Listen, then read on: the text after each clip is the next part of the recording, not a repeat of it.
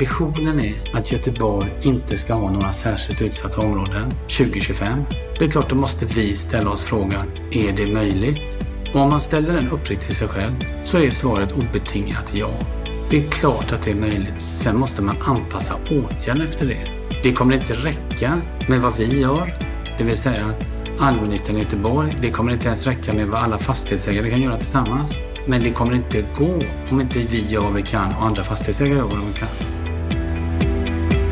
Göteborg ska inte ha några särskilt utsatta områden kvar på polisens lista år 2025, om bara 4-5 år.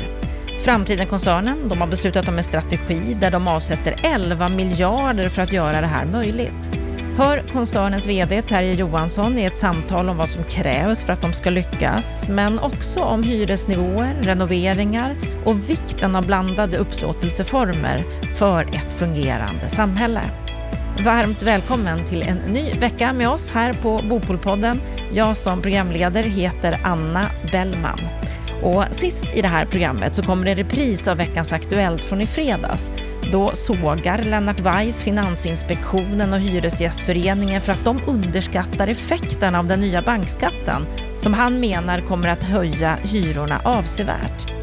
Han menar också att Per Bolunds utspel om att omvandla kontorsfastigheter till bostäder, det är rent nonsens och gränsar till politisk populism.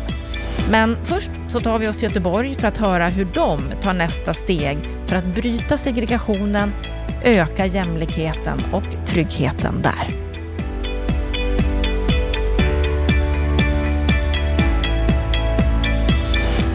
Nu tar Framtiden-koncernen nästa steg för att bryta segregation och öka jämlikheten och tryggheten i Göteborg.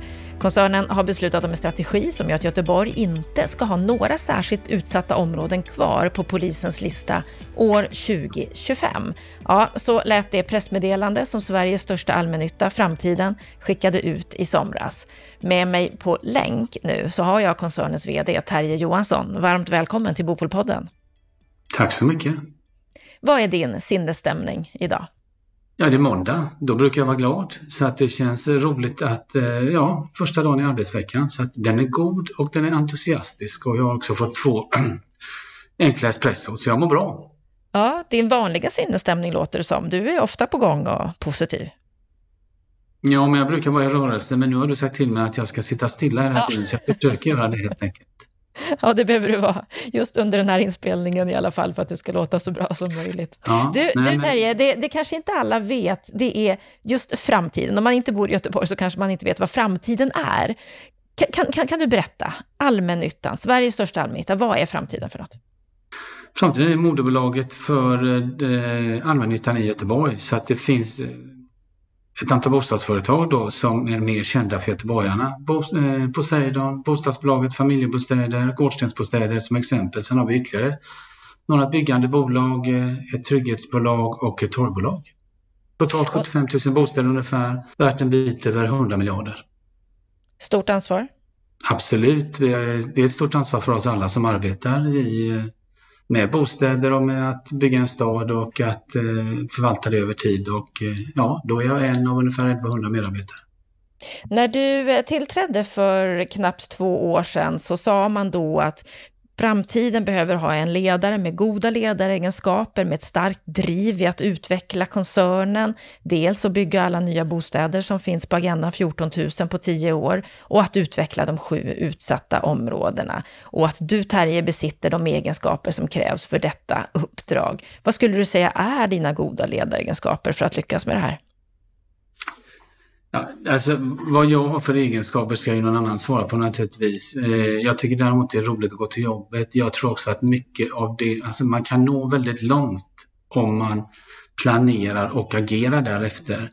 Eh, och jag kanske tror att saker som andra tycker är väldigt svårt eller kanske omöjligt så kan jag ändå se hur man kan ta sig fram dit. Och det tycker jag att eh, det har jag sett på många olika ställen. Eh, det har jag tidigare sett i Malmö och eh, nu bygger vi ändå om vi ser på förra året mer än vad vi har gjort på 45 år. Så att, alltså, det går ju att förändra saker och ting. Och det finns ju ingen naturlag som säger att det måste finnas särskilt utsatta områden.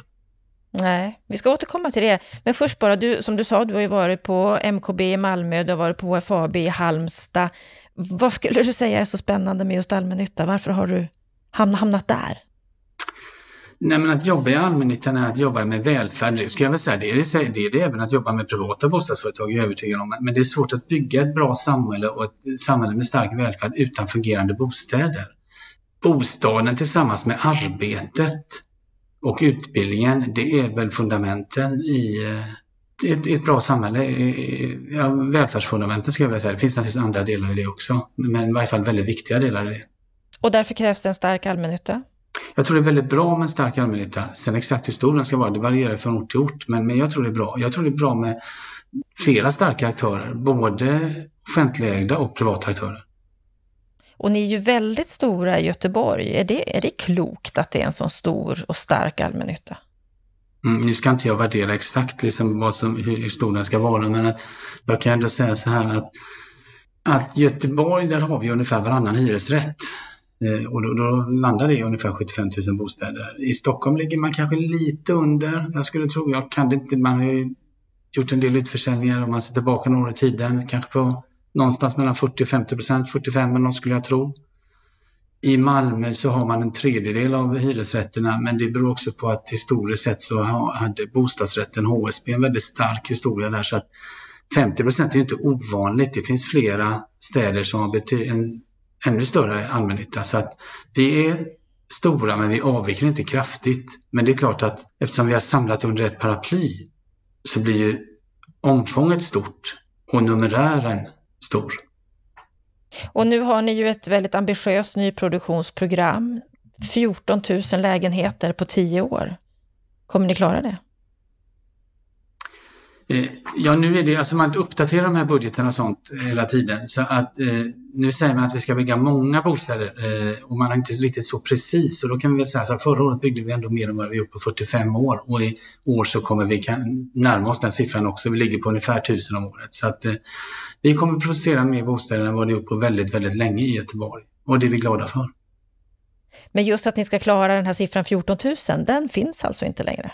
Nej, inte 2020 års budget. finns inte där. Däremot har vi ett eget mål. Alltså i budgeten som staden har eh, satt fast så finns inte siffran 14 000 på 10 år. Däremot så säger man att vi ska bidra till mycket bostäder och vi ska eh, inte öka vår andel på, i marknaden. Så alltså vi ska inte bli relativt sett större.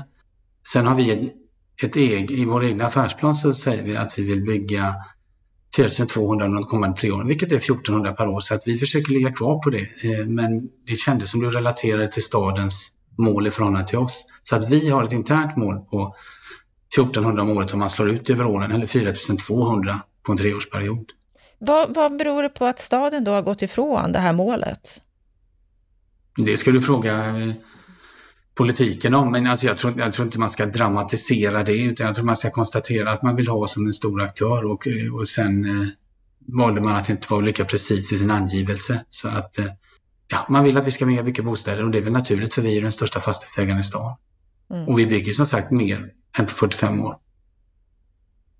När, när vi träffades du och jag för, för snart två år sedan på bostadsdagen i Göteborg, då var du ny och då var du väldigt offensiv i ditt budskap. Då sa du att i Malmö så kör vi så offensivt vi förmår och vi undviker endast det som är direkt olagligt eller olämpligt. Ni byggde ju väldigt många lägenheter där. Du sa också att du hade ingen färdig programförklaring, men att din uppfattning är att det är fullt möjligt att bygga många bostäder i Göteborg. Har du samma strategi här? Att eh, köra så offensivt du bara förmår, och att bara undvika det som är direkt olagligt eller olämpligt? Om någonting är möjligt, då tycker jag man ska berätta det. Och eh, det är möjligt att bygga väldigt många bostäder i Göteborg. Och då ska man våga säga det och sen får man berätta hur det ska gå till. Och det är klart, ska man göra någonting som är väldigt svårt, då, då måste man också anpassa sina metoder efter det eller kräver väldigt mycket energi. Det behöver inte vara så svårt men, men det kräver ändå att man anpassar sin energi. Det, handlar helt enkelt om att man ska planera och agera. Så på ett sätt är det enkelt fast det, är, det gäller också att agera. Så att eh, ja, man måste våga göra saker och sen ska man ändå, det är klart det finns gränser för det så att jag, jag kan stå för den formuleringen fortfarande. Att man ska, man ska våga göra saker och man ska naturligtvis avstå från det som är förbjudet eller väldigt olämpligt, men man måste också våga göra väldigt mycket och man måste också våga göra fel. Absolut. Och i Göteborg kan man bygga väldigt mycket bostäder och i Göteborg behöver vi inte ha några särskilt utsatta områden 2025. Och om man tittar då på ert uppdrag, när det gäller just det här med att bygga nya bostäder, så har ni ju det som ett av uppdragen. Och, och det är ju det att många förväntar sig att ni ska bygga de billiga bostäderna, billiga hyresrätter som alla säger sig önska. Och sen förväntas ni också renovera så pass billigt att alla ska kunna bo kvar, även efter att ni har bytt badrum och spisar och så vidare. Hur ser du på den utmaningen?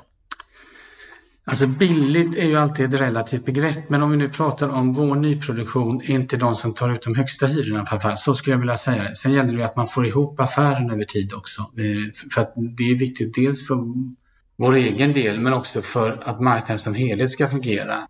När det gäller att renovera så har vi bestämt oss faktiskt för att eh, vi har någonting som vi kallar en riktlinje för varsam renovering. Och den innebär att till 20% av beståndet, alltså om man renoverar 100 lägenheter, så uppgraderar man inte standarden i 20 av dem, mer än eventuellt de kollektiva åtgärder som behöver göras. Och det innebär då att man i princip inte får någon hyreshöjning. Vi gör ett undantag för el också. Sen kan man få hyreshöjningar för kollektiva åtgärder, typ med tvättstuga, lås eller något annat. Och det är ett sätt för oss att försöka bevara en del av beståndet med lägre hyror. Så en femtedel, de kan bo kvar med i princip samma hyror efter renovering. Jag skulle vilja säga en femtedel av lägenheterna behåller samma hyror. Det kan ju innebära att mycket fler kan, alltså många gånger vill ju folk ha renoverat också. Det, det kan ju innebära att fler kan bo kvar, så det är väl ett sätt att försöka möta det. Eh, Men ändå höja standarden på fastigheten och så vidare. Exakt, ändå höja standarden på fastigheten och, och i varierande omfattning då kunna göra det upp till 80 procent. Mm. Och lägenheterna. Eh, som du sa så har ni också i uppdrag att inte bara renovera, bygga nytt, utan att faktiskt klara av den här strategin att inte ha några särskilt utsatta områden på polisens lista om bara fyra, fem år. Ett ambitiöst mål. Absolut. Är det allt för ambitiöst? Nej, det är det inte. Och när man, när man sätter upp ett sådant mål och det, ska bli, det är ju politiken som satt upp det. Det är ju budgeten det fastslogs. Att ambitionen är att Göteborg inte ska ha några särskilt utsatta områden 2025. Det är klart, då måste vi ställa oss frågan, är det möjligt? Och om man ställer den uppriktigt till sig själv så är svaret obetingat ja. Det är klart att det är möjligt. Sen måste man anpassa åtgärderna efter det. Det kommer inte räcka med vad vi gör, det vill säga allmännyttan i Göteborg. Det kommer inte ens räcka med vad alla fastighetsägare kan göra tillsammans. Men det kommer inte gå om inte vi gör vad vi kan och andra fastighetsägare gör vad de kan. Så att svaret är ja, det är möjligt och jag tycker vi har anpassat en strategi, har tagit fram en strategi som visar på vad vi kan bidra med. Och det finns väldigt mycket som talar för att väldigt många andra kommer göra väldigt mycket också. Jag tror verkligen och är övertygad om att vi kommer nå det målet 2025. Dessutom är det väldigt konkret i förhållande till andra typer av liknande mål om man tittar tillbaka i historien när man har jobbat med segregation. Vi vet ju om vi har nått det eller inte 2025. Ni har avsatt 11 miljarder för att genomföra den här strategin. Vad, vad ingår i de pengarna? Ja, det ingår mycket nyproduktion. Om man jämför med andra jämförbara marknader ska försöka bygga billigare än dem i övriga landet. Det vill säga i alla fall ja, ha en väldigt låg nyproduktionskostnad. Och dessutom så ingår eh, ja, resten av 11, det vill säga 3,5, är underhåll och, eh, och ta hand om fastigheter och så vidare, drift. Eh, så att vi adderar till och vi, vi, jobbar med något som vi kallar superförvaltning. Jag skulle vilja säga att vi förvaltar redan våra bostäder väldigt bra idag.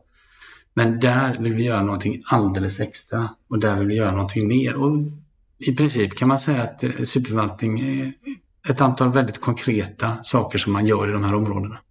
Och vad är det? Berätta. Det är till exempel att vi trygghetssäkrar fastigheterna. Det vill säga att det ska vara tryggt i fastigheten. Det ska till exempel inte vara lätt att komma in i fastigheten. Det ska se okej okay ut i källarutrymmen och lite andra saker. Vi har lokal närvaro sju dagar i veckan.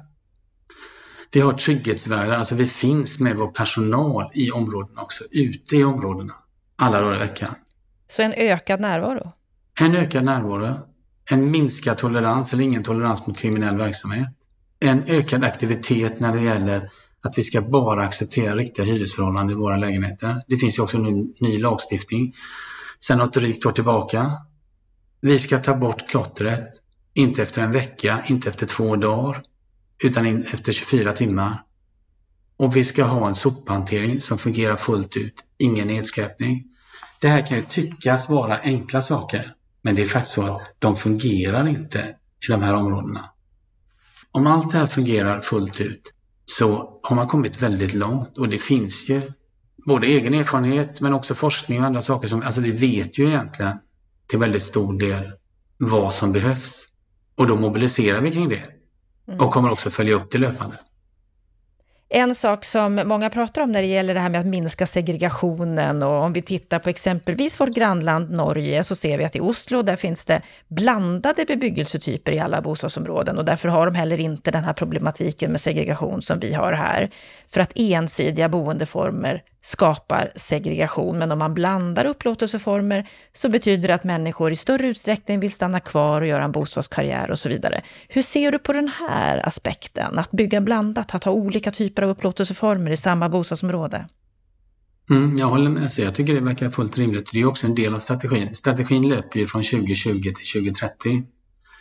Det vi kallar superförvaltning kan vi ju initiera direkt. Det tror vi då kommer att ha effekt på en femårs sikt. Och det kommer synas i områdena. Alltså det börjar den för, det, vi har redan tjuvstartat, men det börjar den första första nästa år. Så det kommer synas med en gång. Alltså man ser ju om, om det finns folk i områdena. Man vet om det är någon där sju dagar i veckan. Man ser om klottret försvinner. Man ser om vi börjar göra någonting med fastigheterna. Men sen behövs ju också man ut, alltså en stadsutveckling i de här områdena. Där det krävs, där vi behöver nyproduktion, olika upplåtelseformer, olika typer av bebyggelse, men det tar ju lite längre tid. Det kommer vi inte se fullt ut 2025, men bara att det händer. Och att man ser att det är byggkranar med mera, alltså, och att man, man vet att man planerar, tror jag kommer att ha jättestor betydelse. Men Så du är vän för det här? Att se till att det finns blandade... En, varier, en varierande upplåtelseformer och varierande bebyggelse, absolut ja. Det har ju varit lite problematiskt vad jag förstår, om jag har, har läst på rätt historiskt här, när det gäller att eh, få till ombildningar och så vidare i utanförskapsområden i Göteborg, där det har varit en del politisk oenighet. Hur, hur ser det ut nu? Ja, vi har ju en modell i framtiden som vi är ense om. Eh, och sen har det ju varit, det går ju att läsa sig till i tidningar med mera, eh, inte fullständig konsensus kring eh, ombildningar. Eh, Ja, vi har, vi har en modell som är fastslagen ska jag, ska jag säga. Och sen har det inte varit eh, enighet kring om man ska ombilda eller inte. Men det är ju egentligen den enda åtgärden i strategin där det inte råder konsensus. Och man Därför att det ens... finns en politisk oenighet? Ja, där finns, ja, precis. Där finns det en politisk oenighet. Och det finns lite olika ja, majoriteter i olika nämnder och styrelser, i fullmäktige och i vår styrelse och så vidare. Så där finns det inte en enighet. Däremot har vi en modell som är då fastslagen. Men i övrigt så är man fullt ut enig. Och man är också enig om att man behöver varierade upplåtelseformer. Vi har ju också, till eh, skillnad mot många andra, ett av våra byggande bolag, de bygger ju äganderätt och bostadsrätt, egnahemsbolaget.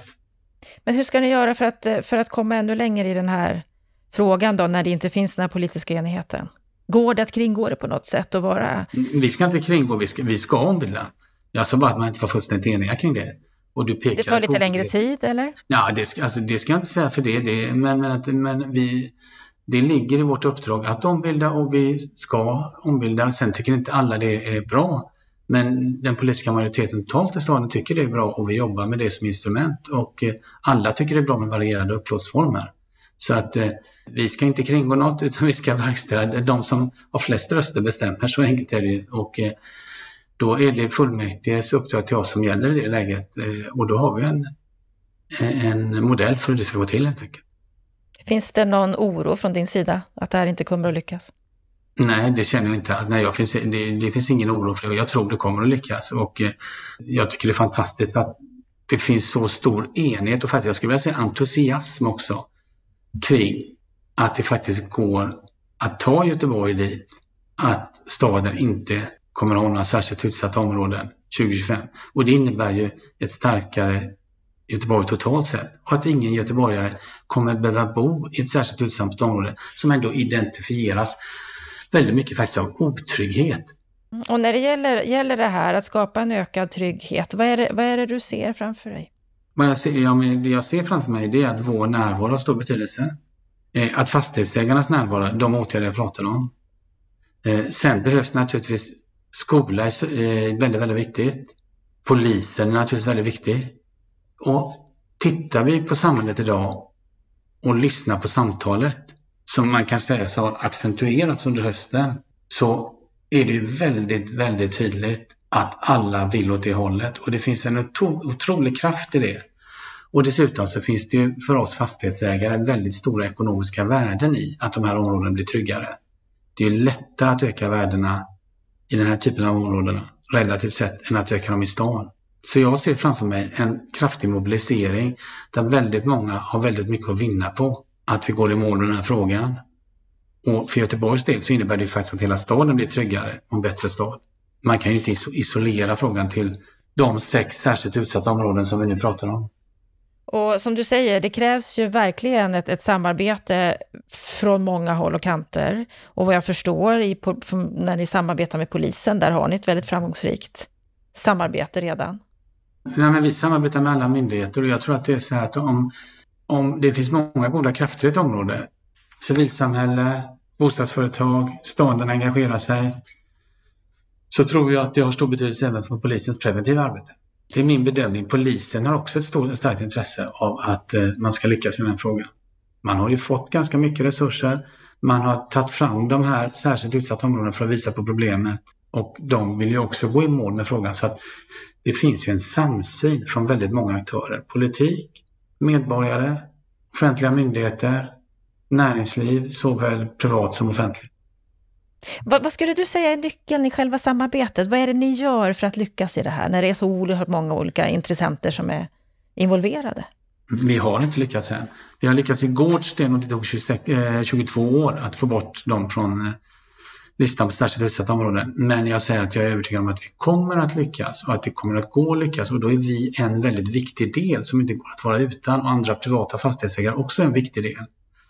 Men de åtgärder jag pratar om här, att dels genomföra det vi kallar superförvaltning på kort sikt. Dels jobba med stadsutveckling på lite längre sikt, vi pratade om den alldeles nyss.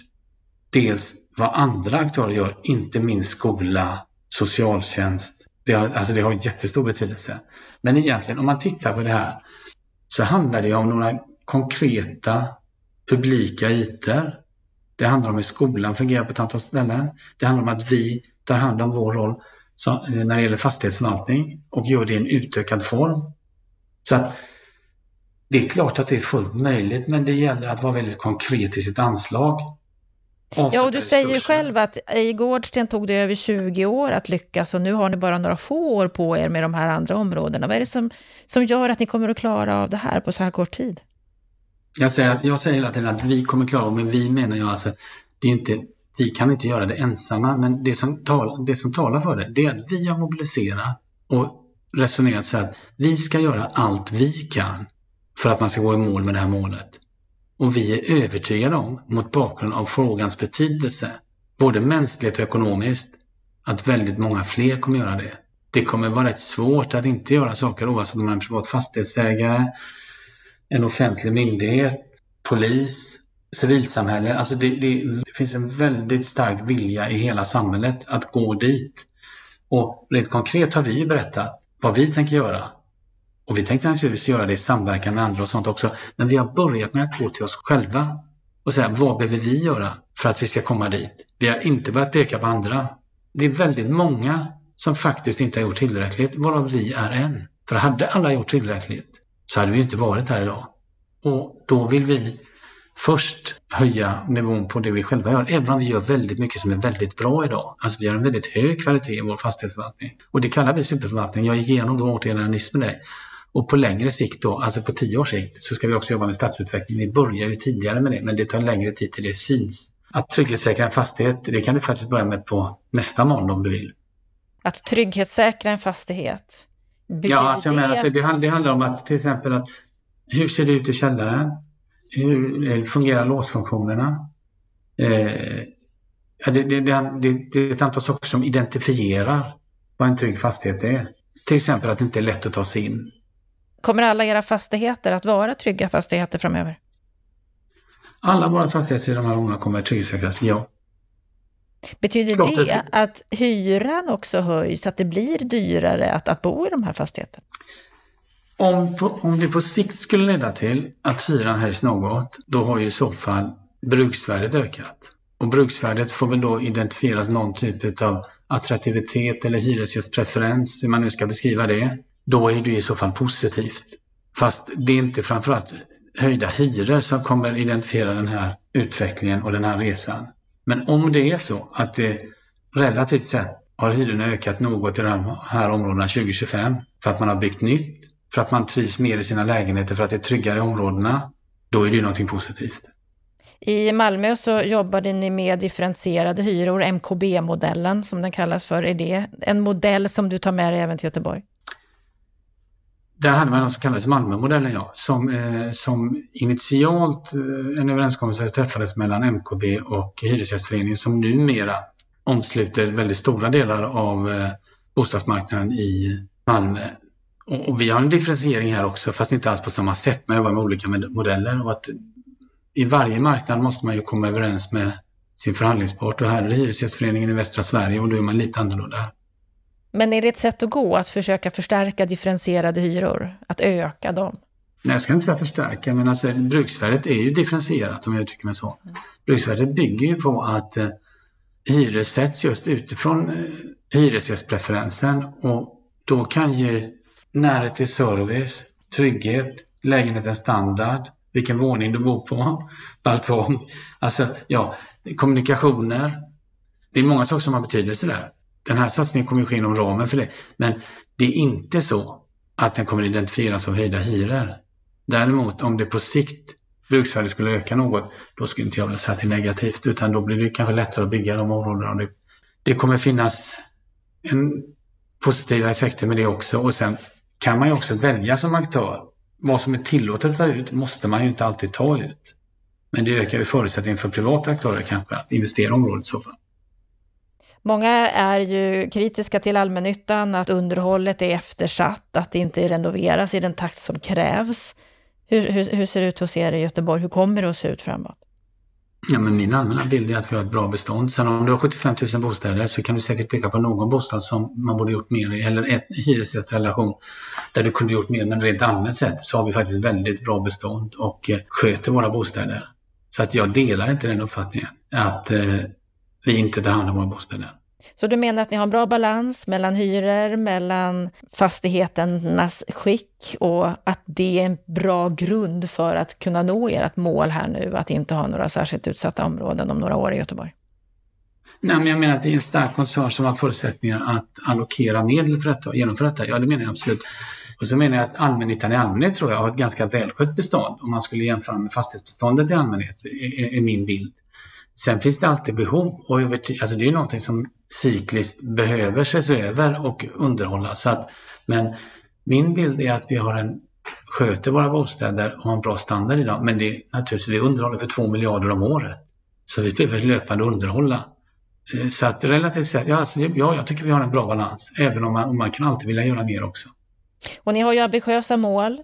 Det är mycket ni ska klara av här nu på några års sikt tillsammans med andra aktörer i, i samhället samtidigt som det finns en politisk oenighet i Göteborg. Vad är det du förväntar dig från politiskt håll för att ni ska klara det här målet att inte ha några särskilt utsatta områden? Ja, men jag tycker vi har fått det. Eh, Alltså, vi har fått en budget och vi försöker verkställa den. Ju, Så du har inga ytterligare önskemål? Nej, faktiskt. Jag tycker mitt önskemål är att var och en, varje aktör, gör det som ankommer på den och då tänker vi göra vad som ankommer på oss och sen hoppas jag privata fastighetsägare gör vad som ankommer på dem och det är jag helt övertygad om att de gör. Och att skola, civilsamhälle, sociala myndigheter, polis mobiliserar. Jag tycker politiken har varit väldigt tydlig. Så att eh, jag känner inte att vi efterfrågar något särskilt där nu. Man har vågat ta ett modigt och betydelsefullt mål som sticker ut i budgeten och då jobbar vi på det. Då önskar vi er stort lycka till med att också klara av att nå ert ambitiösa mål. Stort tack Terje Johansson för att du var med i Bopolpodden. Tack så mycket.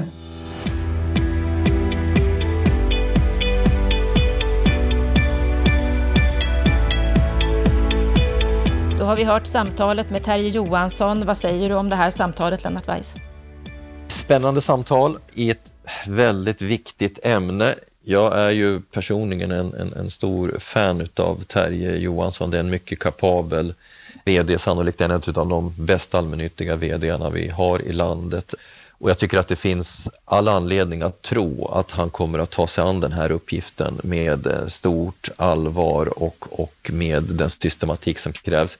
Men man ska ju också ha klart för sig, det är ju en väldigt eh, ambitiös eh, målbild han, han målar upp här. Han talar alltså om att eh, till 2025 så ska de här sex särskilt utsatta områdena bort ifrån den listan. Det betyder alltså att de här ska vi säga, våldsbenägna gängen som finns i de här områdena, den här otryggheten som de här områdena präglas av, narkotikahandel, brottslighet och vad det nu är, ska elimineras och att göra det på fem år, det är väldigt skickligt. Men jag tycker Kommer de att klara det tror du? Kommer de att klara ja. det målet? Det är ett väldigt eh, kraftigt mål. Alltså, jag tycker att han eh, benar upp det här på ett väldigt bra sätt. Eh, han, det, det, är ju ingen som tror att eh, de kommunala bostadsföretagen i Göteborg kan klara det själva och det tror ju inte Terje heller. Men han pekar ju på några angreppssätt som jag tycker är intressanta. För det första så pratar han ju om superförvaltningen som, en, som ett viktigt redskap. Då kan man säga att den ena delen av det där är, är ju egentligen någon sorts förvaltningsmässig hygiennivå, det vill säga se till att eh, klotter saneras, att det inte är skräpet, att planteringar är i ordning och så vidare. Men jag tycker det är en väldigt bra poäng därför att det är ändå så att om ett område andas brist på omtanke, då är ju det liksom någonting som smittar av sig på förhållandet mellan människor också. Så att, att det är rent och snyggt, det är definitivt en väldigt viktig eh, grundplatta för att du ska kunna bedriva någon sorts trygghetsarbete i nästa led. I, på nästa nivå så pratar han om trygghetssäkra fastigheter. Tycker jag också en väldigt bra ambition. Du ska liksom känna att eh, det ska inte vara lätt för buset att bryta sig in, eh, att ta sig in i lägenheter, vare sig det är skalskyddet eller den egna lägenheten. tycker jag också är mycket bra. Och sen så pratar han ju också om det här som du pressar honom lite på, betydelsen av att bryta samhällsstrukturer på olika sätt. Jag tycker det är väldigt skönt att höra en allmännyttig VD som instämmer i betydelsen av att eh, blanda upplåtelseformer och som också pratar om vikten av samspelet mellan olika typer av fastighetsägare. Det, det är väldigt positivt. Men om vi ska svara på din fråga, kommer de att lyckas? Så skulle jag säga så här, de har två specifika faktorer i Göteborg som gör att de har bättre förutsättningar än andra. För det första så har de ett polisväsende i Göteborg som fungerar väldigt väl. De har lärt sig av den organiserade brottsligheten och lärt sig hur man ska angripa den. Det är framförallt några enskilda personer där som inom polisväsendet som har gjort oerhörda insatser i att systematisera polisens arbete. Och polisen har förstått i Göteborg att man ska samarbeta med just fastighetsbolagen. Och där är ju då Framtiden-koncernen intressant, för de har ju alltså Sveriges främsta exempel när det gäller ett systematiskt arbete på det här området inom sin koncern och det är gårdsdelsbostäder. Och Terje nämner ju lite i förbegående vad man har gjort där. Man har infört någon typ av självförvaltning när det gäller vården utav utemiljön. Jag har varit där och tittat, man blir imponerad. Man kan ju tro att det är en liten trädgårdsstad där med fantastiskt vackra planteringar som sänder den här de här signalerna om omtanke som är väldigt viktig. De har infört trygghetsvärdar som jobbar, om jag minns rätt, från 6 på morgonen till 24 på kvällen. Det gör att det finns ögon och, och öron, människor som rör sig i området under tider då de flesta andra sitter hemma och tittar på TV. Det har haft en väldigt stor betydelse för att stabilisera området och de har etablerat ett väldigt utvecklat samarbete med föreningslivet, skolan, polisen och så vidare. Och när man har gårdstensbostäder som ett exempel som de andra bolagen kan lära sig av, då tror jag man kan accelerera den här processen på ett sätt som skulle vara svårt i andra städer. Så att ja, det är en högt ställd ambitionsnivå, men det finns en målmedvetenhet eh, från Terje och Framtiden-koncernen som gör att jag tror att de kommer nå väldigt långt i varje fall med den här ambitionen. Det tror jag. Så förutsättningarna finns på plats och viljan också, låter det ju verkligen som när man hör Terje berätta här. När, mm. En annan sak som, som jag tog upp med honom, som jag också skulle vilja kolla vad, vad du säger om, det är det här med hur vi behöver göra för att renovera allmännyttan. Det finns ju de som menar att det finns väldigt stora renoveringsbehov. Han höll inte riktigt med om det. Hur, hur ser du på den här frågan? Ja, det beror på kanske lite hur man menar. Jag håller med Terje om att eh, föreställningen om att det skulle finnas en, en stor underhållsskuld generellt sett när det gäller lägenhetsunderhållet. generellt sett så är inte det bilden och, och, även när det gäller fastigheternas tekniska system, du vet el och stammar och allt sånt här. Va? Det, där eh, rotar allmännyttan i god takt sina bostäder runt om i landet. Men det man däremot kan sätta ett litet frågetecken för det är ju allmännyttans ork att rusta upp de yttre miljöerna. Det tycker jag man kan se med sina egna ögon när man åker in i ett område med väldigt mycket kommunala bostäder, att det finns ett, ett underskott där. Vad jag tycker är ett litet problem för allmännyttan och som jag har tagit upp i flera sammanhang, inte minst i ett par rapporter som Veidekke har gjort, det är ju att det här systematiska arbetet med fastighetsunderhåll som många bolag är väldigt duktiga på, det tär ju också på deras kassa och det gör ju att de inte har finansiella muskler att vara motorn i bostadsbyggandet på det sätt som de skulle önska.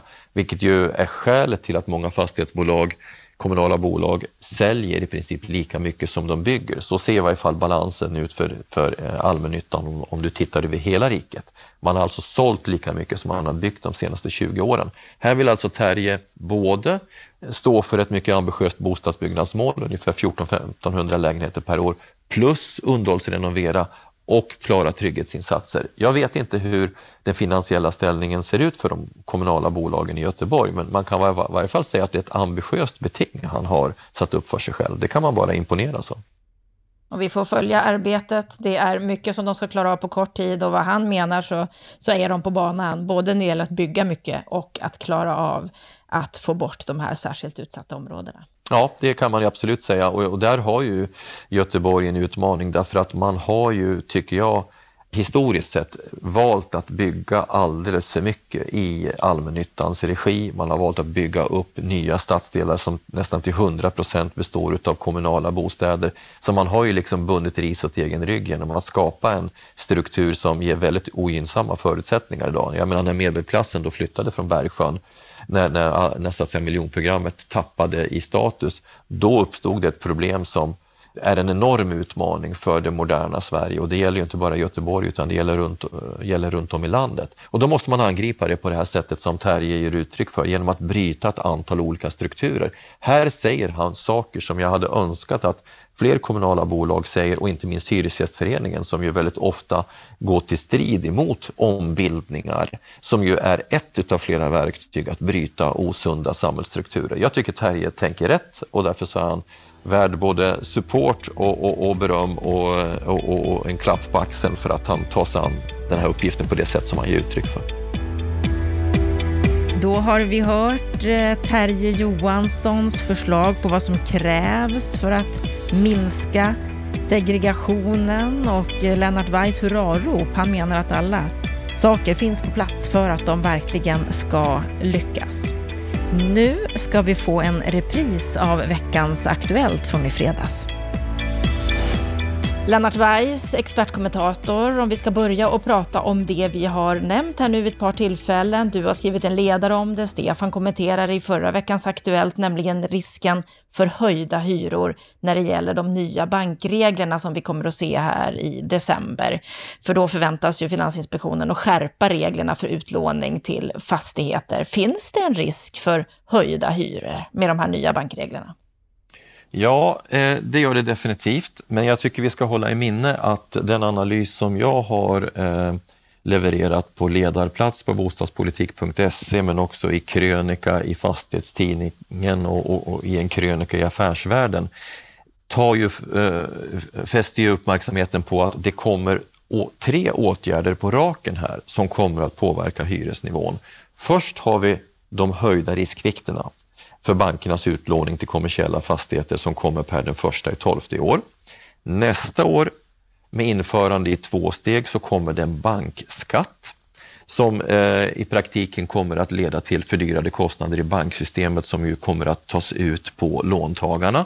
Och sen så kommer det nya regler eh, inom det så kallade Baselregelverket 2023 som till form i stor utsträckning liknar eh, riskvikterna och, och, konsekvenserna för riskvikterna. Och när vi har analyserat de här tre sakerna ihop, eh, och vi, med det, det menar jag eh, Veidekke, som har gjort det tillsammans med analysföretaget Evidens och jag har också tagit hjälp av Bankföreningen, så kommer jag fram till att när man lägger de här tre sakerna på varandra, då talar vi om en samlad eh, ränteökningsrisk utan andra makroekonomiska eh, faktorer eh, som så att säga lindrar effekterna utav en, en ökad eh, ränta på ungefär 1 procent. Och det är väldigt mycket. Och då blir frågan, vad innebär 1 i hyreseffekt? Ja, då måste man först dela upp det. Vad innebär det för nyproduktionen och vad innebär det för det befintliga beståndet? När det gäller nyproduktionen så har vi dragit det här genom en nyproduktionskalkyl för en nyproducerad trea i Stockholmsområdet och då blir effekten häpnadsväckande 3 000 kronor eh, per månad. Så att en nyproducerad trea utan räntestöd, för det är ju inte aktuellt i, i, i Stockholmsområdet, så talar vi om en hyresökning från ungefär 12 500 till 15 500 kronor per månad. Vi kommer alltså till högre siffror än vad Hyresgästföreningen gör när de räknar på det här. Och I DN så stod det ju att det skulle öka 4 till 500 kronor, alltså ja. betydligt mindre. Exakt, och det, eh, det Martin Hoveberg då på Hyresgästföreningen har gjort i hand, det är att han har räknat bara på effekterna utav riskvikterna och då har han utgått ifrån en ökning eh, utav riskvikterna på ett sådant sätt att ränteeffekten skulle bli 0,03 procent, alltså 30 punkters effekt. För det första så räknar han alldeles för lågt eh, utifrån rent eh, fastighetsekonomiska variabler och för det andra så tar han inte hänsyn till bankskatten och de kommande Baselreglerna. Det Finansinspektionen då säger det är att eh, de tror inte på att effekten på höjda riskvikter kommer att slå igenom särskilt hårt och det är två saker de hävdar. För det första så kommer då mer stabila banker att få till följd att upplåningskostnaden kommer att minska. Och det har jag kollat med representant för bankväsendet och det är det ingen som tror på. Därför att riskerna i, den kommersiella fastighetssektorn, framförallt när det gäller hyresbostäder, är ju så låg redan idag. Så att räntepåslagen är väldigt låga, riskpåslagen är väldigt låga. Och det andra argumentet att många större fastighetsbolag kan agera på obligationsmarknaden är ju bara sant för de allra största bolagen som kan operera på den. Och för det andra så råkar det ju vara så att även de som är på obligationsmarknaden jobbar med en kombination av bankkapital och obligationskapital. Så att, det kommer att, att vi kommer att få en effekt på räntorna, låneräntorna ut mot fastighetsbranschen, det är helt uppenbart. Jag kan säga så här att eh, jag såg att Bankföreningen räknade med effekter på, på 40 till 50 punkter som en effekt utav riskvikterna. När jag har haft bakgrundssamtal med en av de eh, stora bankerna i Sverige så tror man att effekten kommer att bli 70 till 100 punkter, helt enkelt därför att den är, ska vi säga, är risk, det riskpåslag som bankerna har idag för, för befintliga riskvikter, de, de, de riskpåslagen kommer man ju inte förändra, menar man från bankens sida. För det skulle ju innebära att deras avkastningskrav minskade. Och då har jag ställt frågan till ett par personer då som, som finns inom banksektorn. Kommer ni att eh, minska era avkastningskrav? Nej, det kommer vi självklart inte göra, utan vi kommer ju transportera ökade kostnader ut mot marknaden. Så att vi kan alltså räkna med större effekter än vad Finansinspektionen säger och jag är också tämligen säker på att det här kommer att få ett stort genomslag på nyproduktionen och det kommer även successivt att få konsekvenser för hyrorna i beståndet. För det, är ju, för det man ju förhandlar om i de årliga förhandlingarna mellan fastighetsägare och eh, Hyresgästförening, det är ju alla typer av kostnader där de finansiella kostnaderna är en del av det som man så att säga sätter hyran utifrån. Så det, det här kommer det bli större konsekvenser än vad vi tror idag. Det är Anders Kvist som är senior rådgivare till Finansinspektionen. Det han säger i Dagens Nyheter-artikeln det är att han tror inte att det här kommer att leda till inställda byggprojekt. Det här är en relativt marginell företeelse, säger han där. I beslut om man ska bygga bostäder eller fastigheter så är det så oerhört många andra faktorer som spelar en större roll. Ja, det är, exakt, men, men jag ta det som ett eh, bevis på att de inte har dragit den här frågeställningen genom en fastighetsekonomisk kalkyl.